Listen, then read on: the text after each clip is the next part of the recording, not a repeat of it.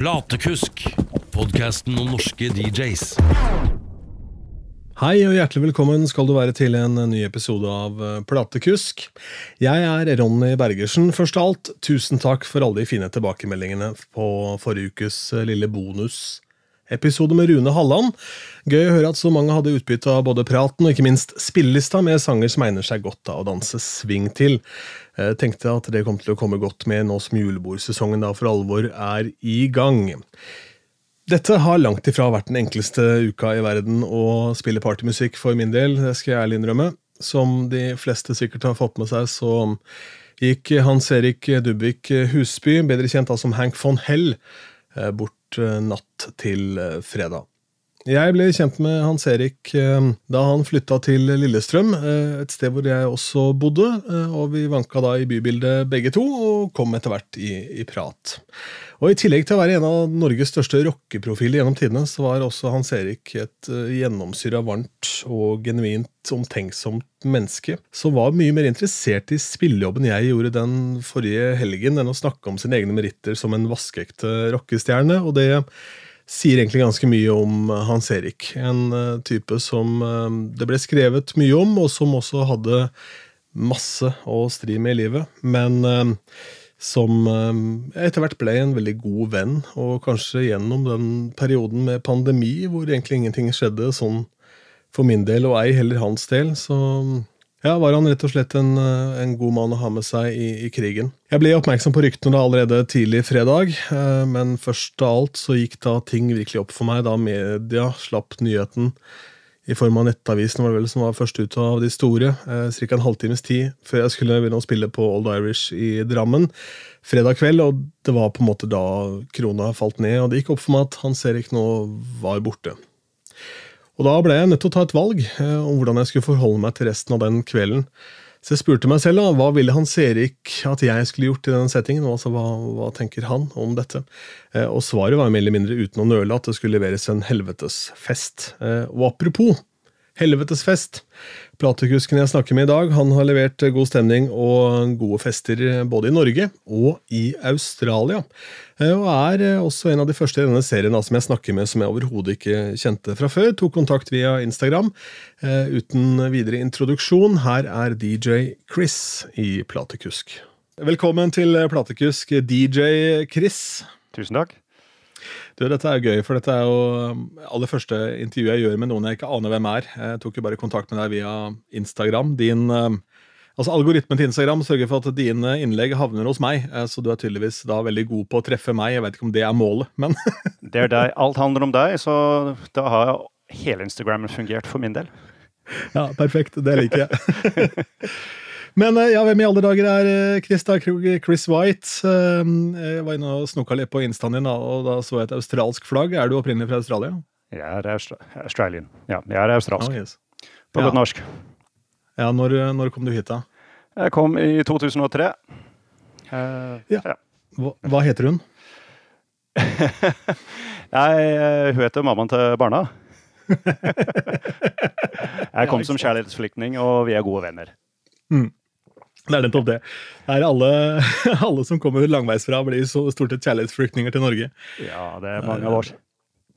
Det er mange av dere. Jeg har faktisk hatt utrolig mye med Australia å gjøre, litt sånn passivt i det siste. For jeg har um, blitt eh, kjempeforelska i et radioprogram som har en podkast. Og det er en britisk radio-DJ som heter Christian O'Connell, som flytta fra England, hadde nummer én-showet i UK på radio. Og så begynte han å få panic attacks på morgenen. Dette kan bli en lang historie. skal prøve å gjøre den så kort som mulig. Ja. Eh, og da For å få bukt med det, så gikk han til psykolog, og så snakka han med kona si. så bare, hva skal vi gjøre? Altså, han hadde vært i radioen i alle år, så veit ikke helt hva som var årsaken.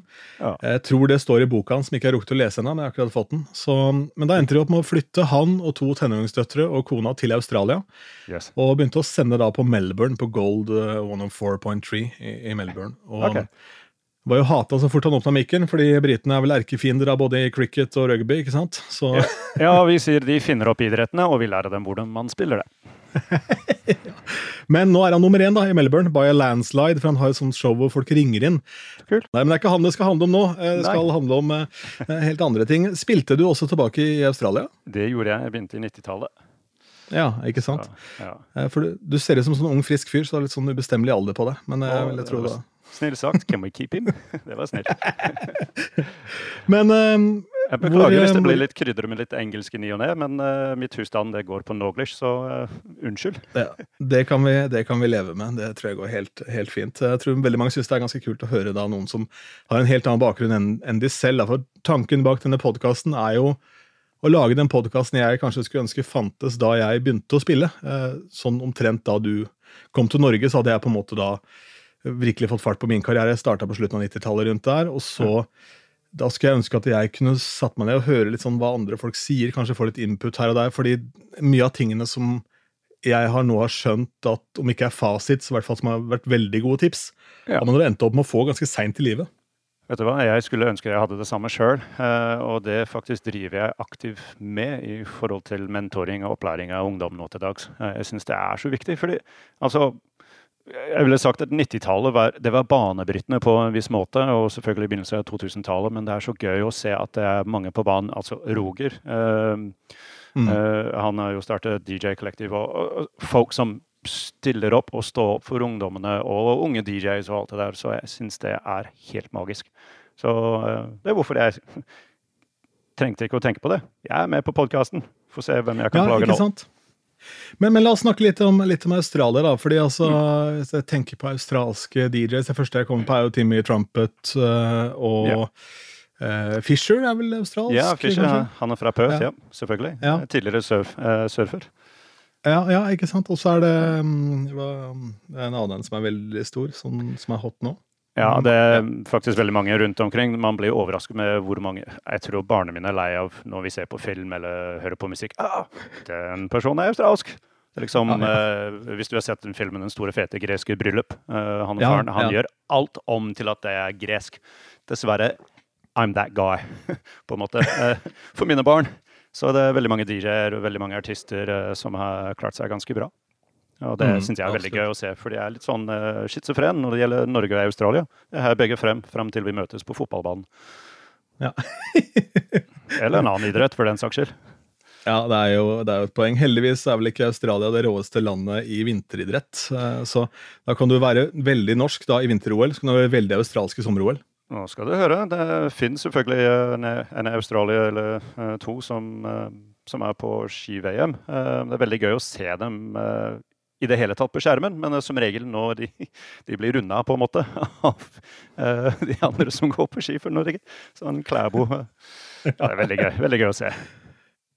Vi, vi eksisterer på ski òg. Tilbake i, i Australia da, på, på 90-tallet, når du begynte å spille. Hvordan er Kanskje vanskelig for deg å si men at ikke det var her på den tiden, men altså, hvordan er DJ-kulturen i Australia kontra her? da? Eller For, for først, hvor i landet kom du fra? Jeg kommer fra en liten by som heter eh, Adelaide. Det er 1,3 millioner mennesker rett på stranda, rett og slett. Eh, Jeg vokste opp ti minutter fra stranda. eh, Som, hvis du tenker på at eh, i Kristiansand og Aker Brygge var sammen, og gangene med ti eh, Jeg vokste opp rett ved det stranda. Så jeg kommer fra et veldig spennende og fint område. Og DJ-kulturen Altså, jeg ville sagt at uh, vår kultur var ganske lik. Uh, eller vi fikk mye innflytelse fra den engelske kulturen. Uh, så det var Warehouse Raves, det var mye rart i 90-tallet, men det var veldig spennende. Så jeg ville sagt at vi har hatt en veldig veldig sunn kultur fra tidlig alder innenfor DJ-verden. Litt annerledes når man kommer til Norge og opplever at uh, istedenfor at alle står og uh, ser framover til DJ-en som en artist, uh, og komme til Norge og så alle gjør litt sånn huleboerdansen rundt uh, veskene som er i midten av gjengen. Men vet du hva? Alt fungerer, så lenge som man forstår det. Ja, ikke sant? Men det, det var veldig gøy. Hvordan starta din karriere da tilbake i Australia? Uh, musikk har alltid vært en greie for meg, Uh, fra så lenge jeg kan huske. Eh, så jeg har uh, gått musikklinje, kan du nesten si. Eh, jeg har spilt i grunge bands i 90-tallet. Uh, been there, done that. Stått på scenen på pubs og clubs når jeg var for ung.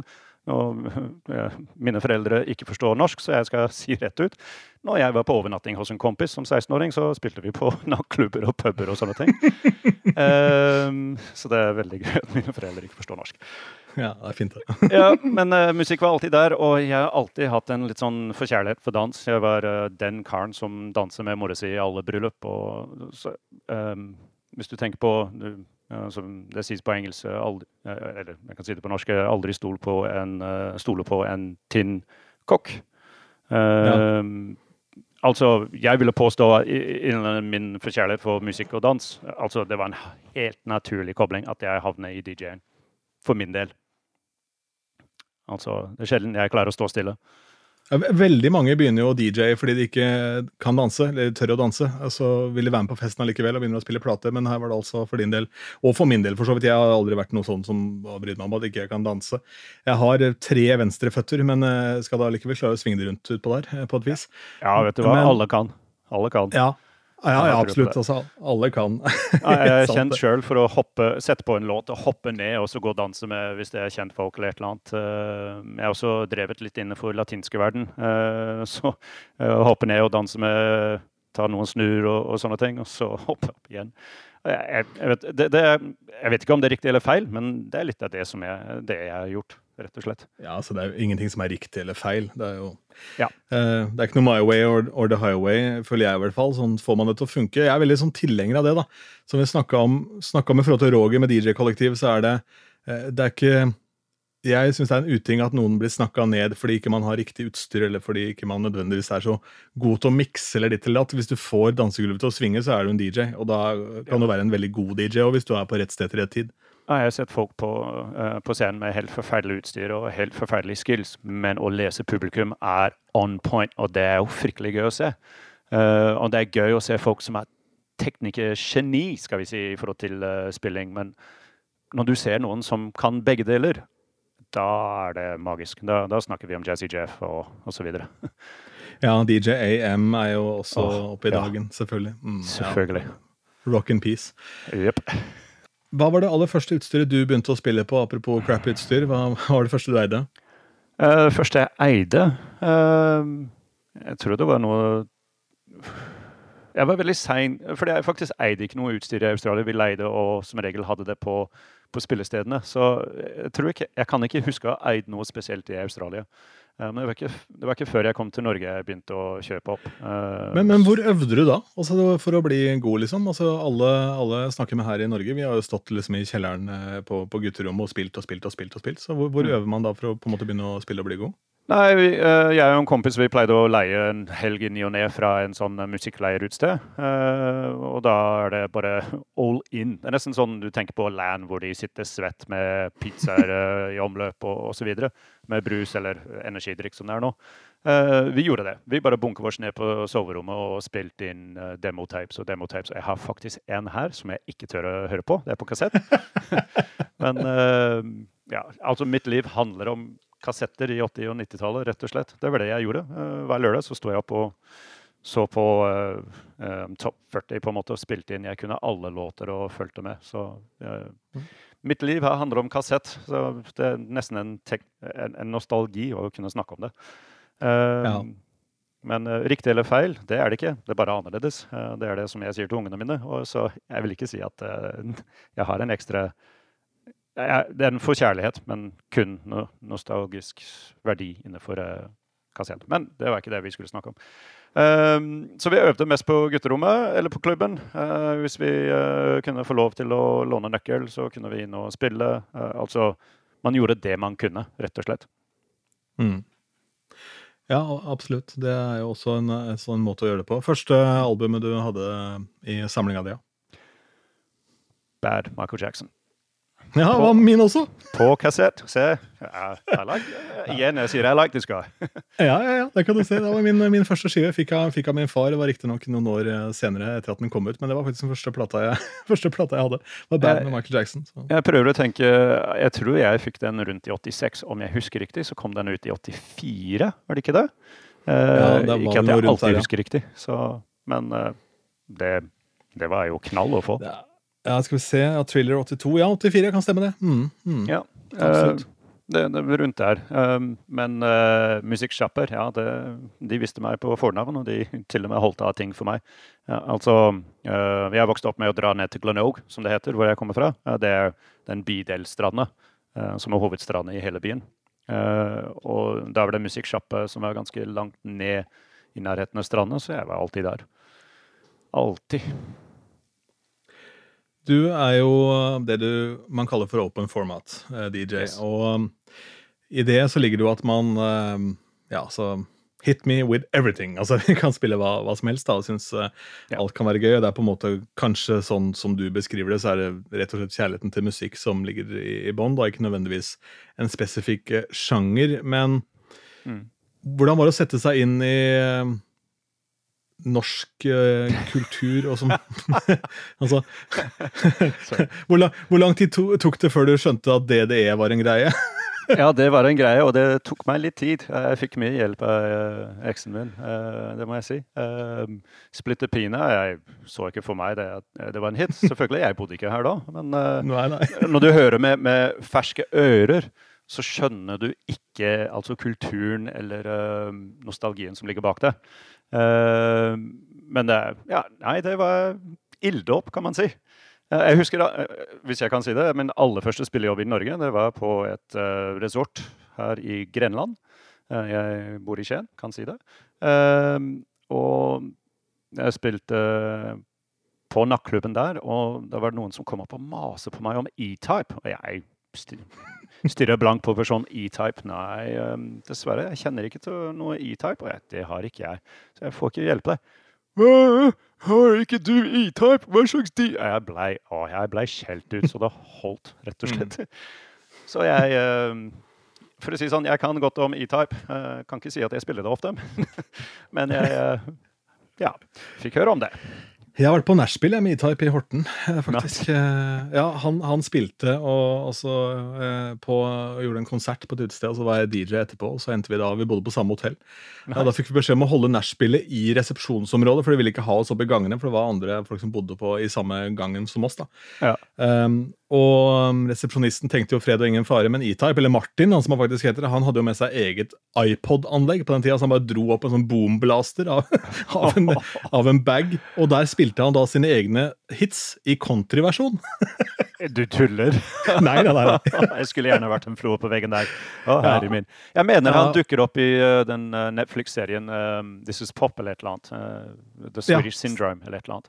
Ja, det kan stemme, fordi han starta sin karriere, en fascinerende historie, han starta sin karriere med eh, å sitte på bøttekottet til Sharon Studios, da, som var på en måte forløperen til eh, Max Martin nå, med, med Dennis Pop.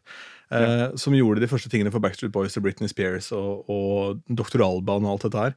Eh, og da husker jeg E-Type har fortalt at han fikk liksom et sånn bøttekott, og idet han bare kom inn der, selv om det var støvete og jævlig og alt var krise, så merka han at på en måte kreativiteten bare snudde. Og så skrev han da 'Set the World on Fire'. Eh, Den kom liksom eh, samme uka han flytta inn. Oi, oi, oi, det er bra gjort. Nei, jeg, jeg har eh, som sagt ingen kjennskap til E-Type, men det er mye av den Swedish syndrome, som vi kan kalle det for, eh, som jeg har fått med i Australia. Og det, det er ikke før i senere år at jeg skjønner å ja, det er jo svensk, siden jeg har en form for nærhet, fysisk nærhet, eh, i og med at jeg bor i Norge, og eh, nordmenn kan litt om svenske topper. Så eh, jeg syns det er egentlig litt kult å få litt mer bakhistori, eller skjønner at eh, det var svensk. fordi For meg så var det bare fra Europa uh, når jeg vokste opp. Det var ikke den samme type kobling til det, men det var hit eller et eller annet. Det var kult, men eh, det var ikke noe mer enn det, på en måte. Så, det kommer på en måte ikke noe lenger unna eller Australia. Det er så utrolig langt borte. ikke sant? Sånn, Hvor mange timer snakker vi på flyet? Sånn 15-18 timer eller noe sånt? Nei, eh, før så var det 24 timer i lufta. Eh, 36 timer fra døra mi til døra til mora mi eh, var det før. Men nå er det, nå er det litt bedre fly og eh, mindre mellomlandinger. Nå er det bare ett eh, i Dubai eller et eller annet i det området. Qatar osv. Så, Mm. Eh, så ja. Men jeg har ikke vært hjemme på en stund. Eh, det er noe som heter covid og, og barn. Eh, Ja, det, det blir eh, f- f- Altså å komme hjem er deilig, men det er ikke en must. Men eh, ja, jeg så en kompis skrev på et eller annet på Facebook eh, hvor det stilte spørsmål hvor mange kilometer bor du eh, fra der du vokste opp. Og han skrev en kommentar, og du dukka opp i feeden min, og jeg tenkte 'hold my beer', rett og Ja. slett. Jeg er over 15 000 km, jeg, så klapp igjen. Så ja. Og ikke nok med det, men jeg bor på Jeg kommer fra sørsiden av Australia, eh, så det er jo ja, Jeg er Ja. unna. Jeg skulle egentlig flytte opp til Kautokeino eller et eller annet, eh, for å virkelig dra til. Ja, sånn for å dra på skikkelig. Ja, Svalbard, rett og slett. Ja, ja, Ja, ja. Svalbard, ja, det hadde vært noe. Mm. Jeg kan bli oppsynsmann på Svalbard. Jeg er Eneste DJ-en på Svalbard. Jeg vet ikke, Det er jo sikkert ikke verdens feteste gig, men eh, ja, ja. Ja, men du vet uh, hvem som går gjennom døra, hva du skal spille for dem. Hva han spurte om uh, for to år siden, eller et eller annet. Ja, nettopp. Da blir du helt folka, ja. konge på jord, fordi eh, han, han duden som gikk gjennom eh, døra og ser opp på deg som DJ og nikker på deg. Aha, du er konge. For en Mm. følelse. Tenk på det. Men hvordan kom man seg etter hvert inn i DJ-bransjen i Norge? For det må jo være eh, både eksotisk, tenker jeg, at folk syns det er litt kult at du da kommer fra Australia, men samtidig så må det også være noen som tenker ja, men vi vil jo ha noen som kjenner den norske musikkulturen. I og med at du på en måte også spiller open format, så får du mye sikkert brylluper og eventjobber og sånn, hvor det også er veldig miksa publikum. Ja, det, det har jeg sett på eh, Altså erfart at det er mange som ser ned på det, men eh, i senere år så ser jeg egentlig det er ganske kult. Fordi jeg vil si at jeg har et ganske brei interesse for musikken. Eh, alt går, rett og slett, i forhold til musikk.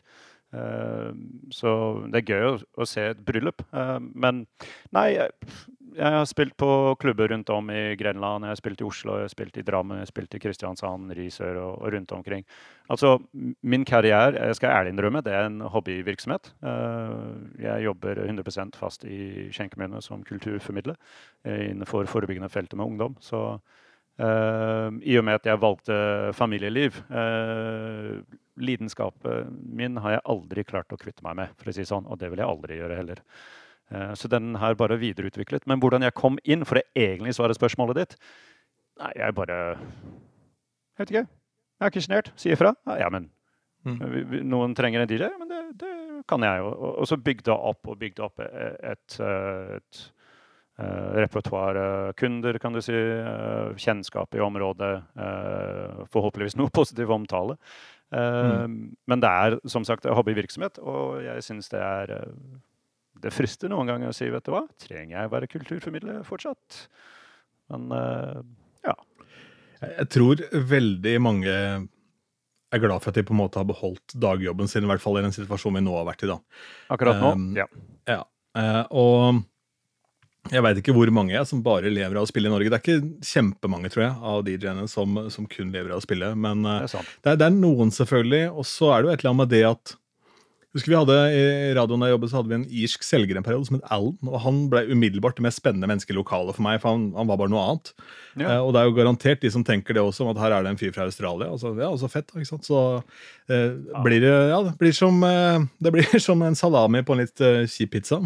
ja, ja, ja, kanskje det, men eh, ja, det er noe utlendingskortet man kan dra i ny og ne. Eh, men jeg skal ærlig innrømme, jeg har vært her såpass lenge at jeg er nesten grenlandsk, kan du si. Eh, jeg er ikke norsk ennå, men det skal jeg prøve. Jeg er bare pissredd for Unnskyld språket. eh, redd for Ja, redd, redd for norskprøven, så jeg har ikke tatt den ennå. Men ja. Jeg tror aldri man blir norsk, jeg skal være helt ærlig. Altså det, det å flytte hit og skulle da bli nordmann, det Hvis du flytter til USA, så er du amerikaner i løpet av tre år. Men uh, her i, å bli finsk eller norsk, det, det veit jeg ikke noen gang vil skje. Ja, det kan jeg si alt om. Eh, Jeg kommer fra et veldig uh, flerkulturelt samfunn. Altså I Australia så er alle fra et sted. Uh, hvis du tenker på minaner, de er irske og italienske.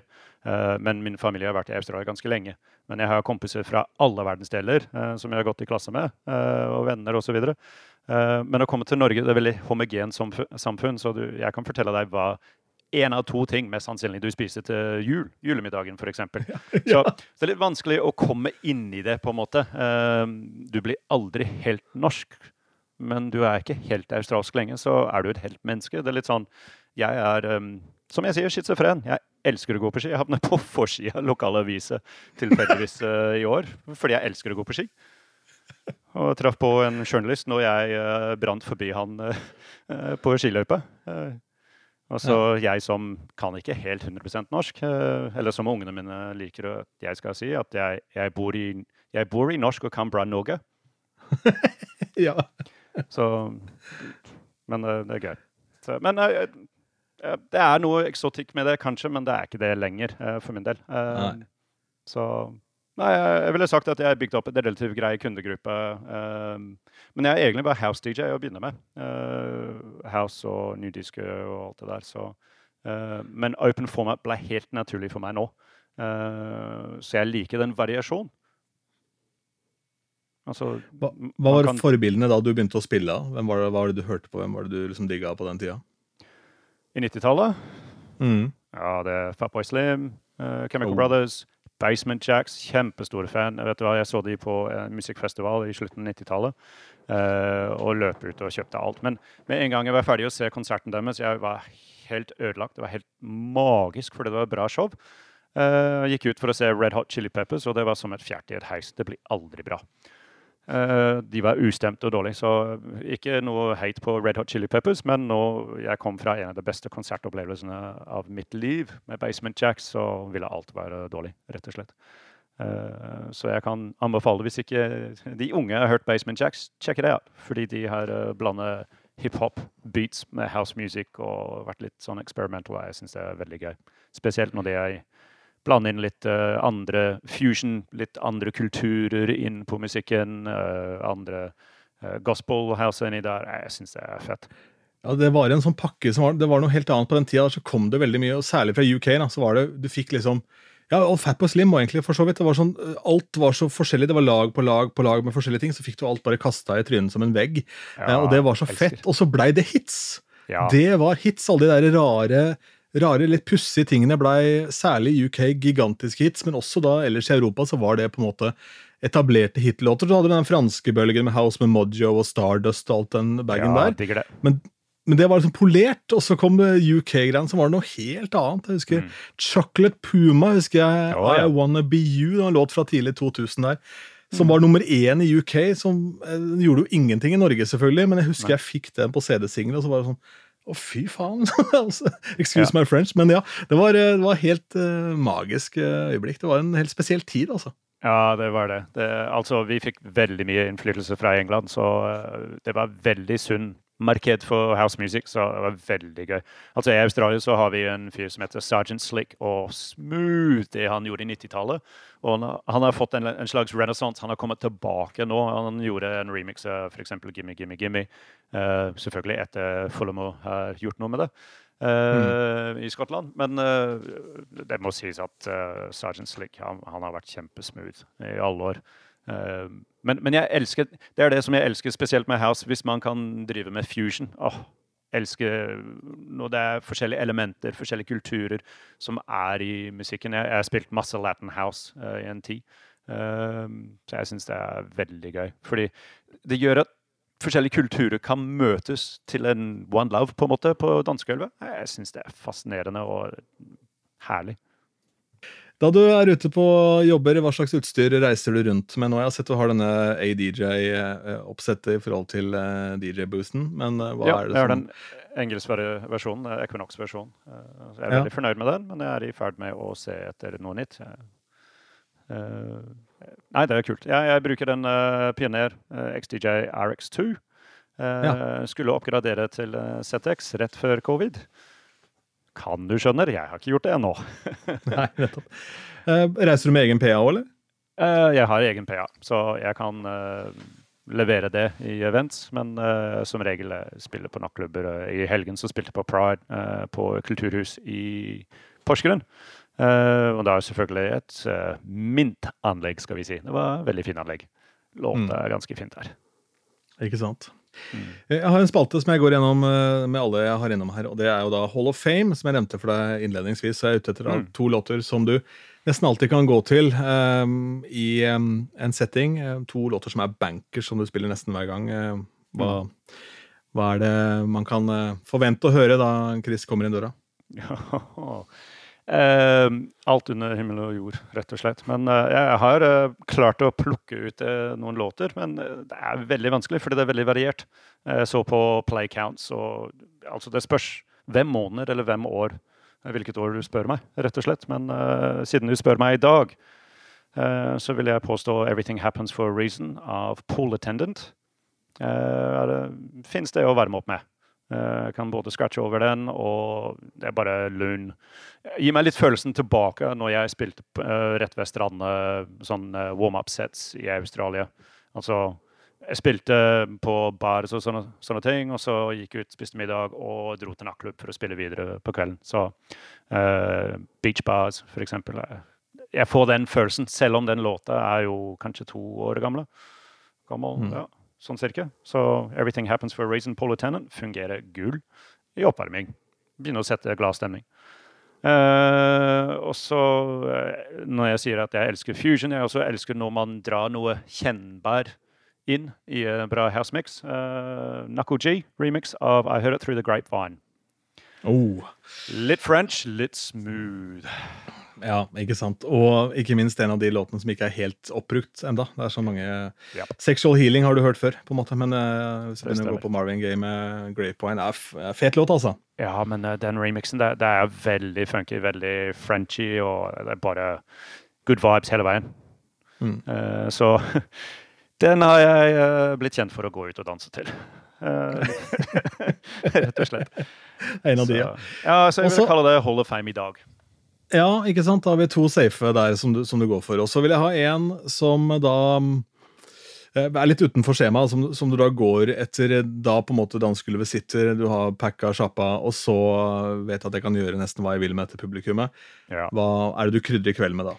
Da skal jeg introdusere dem til en artist jeg digger fra England. Uh, men han heter Younge, bare uten en E, altså Young-er i ett ord. Ja. og han spiller alt sjøl. Eh, rett og slett. Han uh, Ableton uh, Live og alle instrumenter. Han har keys og percussion, trommesett og full pakke. mange kanskje kjenner han fra en versjon, cover han gjorde på Morning Gloryville i England, av The Temper Traps Sweet Disposition. En dude på scenen. Uh. Mm. hvis du har sett den, han har en sang som heter Oh Lordy. Uh, og det er på en måte theme song of Chris akkurat nå. Uh, så, så, hvis du Eller ikke at det er themesangen, selve konteksten, men bare følingen og den gladheten og alt det der uh, han beskriver. Han lever i nuet, på en måte. men bare den feelingen av den låten, musikalsk feelingen også. Og i og med at det er one man band en som får det til, det, det gir litt ekstra, føler jeg. Så jeg er stor fan. Skikkelig fanboy har jeg blitt. ja, Deilig. Altså, det å være en eh, skikkelig fan, altså en, en, ærlig og oppriktig bare en stor fan, det tror jeg eh, Jeg hørte en historie en gang om en norsk, eh, norsk plateselskapssjef som hadde møtt liksom kjempestore artister, mange av de aller største gjennom tidene, men så skulle han endelig møte sin aller største helt, Van Morrison. Mm. Eh, og de møttes på en middag, og rundt bordet så sitter det da andre viktige mennesker, og så kommer da Van Morrison inn, og så skal uh, denne fyren her hilse på Van Morrison, og det han klarer å si, er Åh! Ja. Så det var det Van Morrison fikk ut av han fyren, da. ja, jeg tror jeg hadde nesten vært sånn, for jeg har jo hilst på mange store norske artister opp igjennom. Uh, og en del australske i, uh, for en tid tilbake. Men den fyren her Altså, når jeg fikk hva jeg spilte i fjor på min Spotify. Uh, du får en sånn recap. Da var det De første fem låtene var fra Jange og Jange alene. Uh, så selvfølgelig la jeg den ut på Instagram, og han selvfølgelig svarte tilbake et eller annet. Oh, that's the way, bro, eller et eller annet. Og jeg hopper rundt og visste ungene mine. Jeg, bare, jeg, ble, ingenting? Ja, jeg var mest fjortis akkurat da, i hvert fall. Nei, de syntes det var kult, da. Men ja, kan ikke du roe deg ned litt? ja, kan du slappe av litt grann nå, pappa? Ja, det ordner seg. ja, nei, jeg jeg syns det er gøy. Altså, jeg er i 40-årene um, og uh, digger en artist i 20-åra. Jeg syns det er veldig kult uh, at uh, man kan få den engasjement av musikk. For det er en av de tingene jeg elsker, at denne fyren, han er musiker. så jeg elsker um, Husker du Justin Timberlake, 'Bringing Sexy Back'? Ja, ja. Can we bring um, litt real music back. Uh, ja. Altså, jeg underviser i musikkproduksjon. Uh, jeg hjelper ungdom uh, innenfor produksjon. jeg har studio på jobb med ungdom som de har skapt på egen hånd. De har allerede over en halv million avspillinger på Spotify, så det er kult. Wow. Men ja, så vi, ja. Følg med. Eh, Ja, men hva, hva heter det prosjektet, altså, for de som eventuelt vil søke det opp? de har jo ulike eh, prosjekter. Oh, ja, sånn, ja, selvfølgelig. ja, For det er alle forskjellige kidsa. Mm. Ja, ja, det, i hvert fall det er eh, tre, to-tre av de som er, eller to av de som er hovedkjerne. Men uh, de har jobbet med mange forskjellige artister. Jeg kan nevne en av de. Han har kalt seg nå for Kevin Carter. Uh, og jeg har litt trua. Det er veldig contemporary, veldig urban, veldig nu. Eh, men eh, jeg er fascinert av hva de får til. Jeg er helt fascinert. Eh, men i hvert fall, det var et annet poeng jeg skulle til, og jeg husker ikke hva det var. Så ja. Det var noe sexy back, Justin Timberlake. Vi begynte Ja, der. Også, Bring, ja. da, snakker vi om klipp og lim-musikk. Uh, folk Ja. som ikke spiller instrumenter. Altså, jeg uh, har blitt bedt om i morgen kveld uh, å ta en tur opp til studio. Jeg sitter på kontoret, men ta en tur opp til studio. Jeg har vært med og spilt inn med dem enkelte ganger. Og jeg, jeg elsker hva man kan få til med, uh, med Ableton, med FL Studio og alt det der. Men jeg også elsker når de kan ta inn noe menneskelig Mm. da er, jeg, da er jeg virkelig med. Og det er litt av det som er skjermen med Younger. Uh, At det er noe menneskelig i musikken, uh, rett og slett. At du ser en dude som Han slår noe, og så hører du noe, faktisk. Ja, han eh, sitter foran en key, sitter, står foran en mic, og da ser du hva som skjer. Du ser en person lever i musikken. Uh, selv om jeg, jeg, jeg elsker elektronisk musikk på alle slags måter. Uh, men jeg syns det er en fin vibe når du ser noen som lever i det og produserer det foran deg. Ja, altså På T-skjorta, den ser jo ikke du her nå, da, men der, der står det The Who, som er et av mine store favorittband. Så jeg er jo en sånn rocketype, egentlig. Jeg går, drar på masse konserter, og um, det er et eller annet deilig med at hvis det ikke hvis ikke det skjer noe eh, med instrumentene på scenen, så kommer ikke noe ut av PA-en heller. Unntaket er Kiss, som hadde publikumsjubel over PA-anlegget før folk kom. Det, Nei, seriously. ja, ja, ja. Så bare, det er jo ikke så mye liv her. Å ja, det er riktig, ja, de har eh, over PA-en, så de, de kan jo showbusiness, da. Ja, det overrasker meg ikke. Jeg, vet du hva, jeg, jeg, jeg skal ikke drive noe heit, men jeg har aldri, aldri kommet inn på den Kiss-greia. Jeg ble uh, veldig dratt med på Eller jeg fikk ACDC i morsmelket, i og med at de er australske. Ja, uh, men uh, grunge-tid Det var veldig sunn grunge eh, og indie-rock i Australia i 90-tallet. Veldig sunn eh, miljø. Fortsatt veldig sunn live-miljø i Australia. Eh, så jeg var veldig stort inn på det. Men det første bandet jeg spilte, var Guns N' Roses Nirvana coverband. Oh, wow. Altså, En blend av de to? Ja, så det var veldig interessant, men det var veldig gøy eh, kompisene mine. Eh, og alle de driver med musikk ennå. Det smarte nå er at Guns N' Roses de tilbød jo Nirvana support-gigen. Eh, før de, da de skulle på sin virkelig store eh, turné med Use Your Illusion. Og da takka Nirvana nei, så det var Soundgarden som endte med å få den gigen. Eh, så dere hadde vært det perfekte bandet for de som da hadde håpa at den gigen hadde skjedd. At Nirvana Ja. hadde varma opp for Guns N' Roses. Tenk på det. Jeg kjenner noen som faktisk så på et band og trodde det var Red Hot Chili Peppers for mange år tilbake. 90-tallet på et øy utenfor Oslo, på en musikkfestival. Og ja, altså, eksen min uh, snakker om det. Um, og hun sa ja, nei, Red Hot Chili Peppers det var ganske kul. Red Hot ja, men uh, jeg syns det var dårlig når det var fire gutter som sto på scenen, og de, de bare ikke, det var ikke helt stemt. Fire gutter? Nei, det var bare tre, sa hun. Uh, hvem har du sett? Så vi googla og fant ut Hun hadde sett Nirvana. på Kalvøya. Mm. Åh, ja. Jeg er pasifist, men jeg vurderte vold akkurat da. Har du sett Nirvana og ikke visst om det? Hallo! Jeg fikk aldri det til, så takk skal du ikke ha. Ja, nettopp det. Det er nettopp det. ja, det er, eh, det er alle de øyeblikkene som man nå, nå Ja, nå døde jo Charlie Watts, da, ikke sant? Og så Ja. Eh, Hvis ikke du har sett Stones med Charlie Watts, så har du egentlig ikke sett Stones. fordi selv om han ikke gjorde noen ting ut av seg, bare satt bak der, så var det han som var the role i the rock and roll. ikke sant? Eh, han hadde den jazzgrooven som er utrolig vanskelig å spille, selv om det ser helt meningsløst ut, fordi det, det er bare en sånn sjøfling. Eh, men det er, det er en helt egen podkast, den kan vi egentlig lage en dag. Men ja, du, jeg kunne snakke om all slags musikk, bare give me the time on the microphone. Ja, det er, eh, jeg fikk faktisk et eh, håp tilbake om, eh, om lyset her i, i samfunnet da det kom den nye skiva til ACDC. For da, da den dukka opp og låt akkurat likt som den forrige, så tenkte jeg dette her er så nydelig. altså ACDC driter i alt av trender. Det er bare Det er rett og slett det det skal være. Og da føler jeg at så lenge de klarer å lire av seg det og levere det, så eh, må også da samfunnet etter hvert komme tilbake til hektene igjen. Ja, det, det minner meg veldig om uh, hvor de kom fra. på en måte, Den 80-talls arbeiderklasserock uh, fra Australia ble en kjempestor greie, og de var en av de tingene som kom ut derfra. Uh, så det, det, er sånn, This is me, take it or leave it. Enkelt og greit. Ja. Og, Ja, helt enig. Helt enig. Altså, Istedenfor å booke for noe som de ikke er, eller booke til noe som de ikke er, de bare gønner på.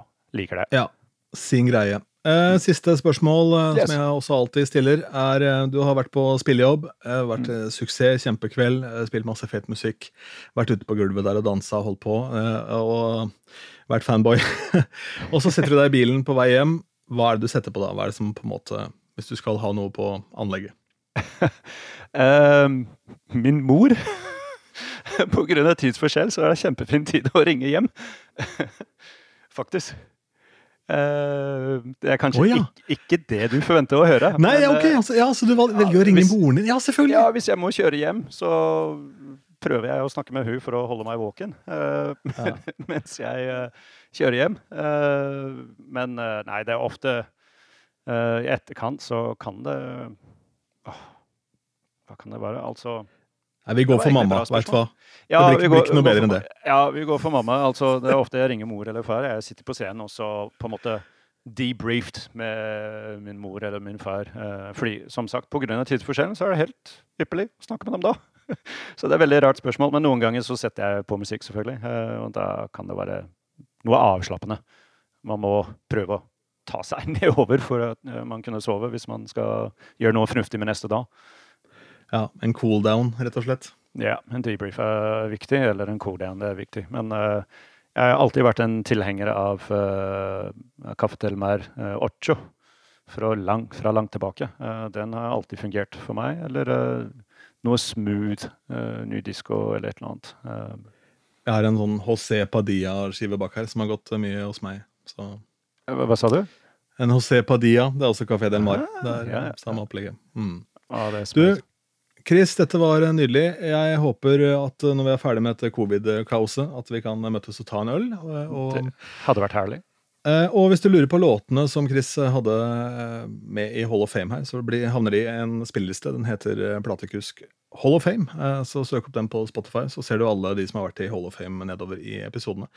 Lykke til med mer spilling, og lykke til også da med alle disse kidsa som lager eh, fet musikk. Eh, og mm, takk for Takk. at du tok deg tid til en prat. Tusen takk for praten. Herlig for anledning å kunne plage andre. Ja. Det var min prat med DJ Chris, en aktiv eh, herremann eh, både på den ene og den andre fronten.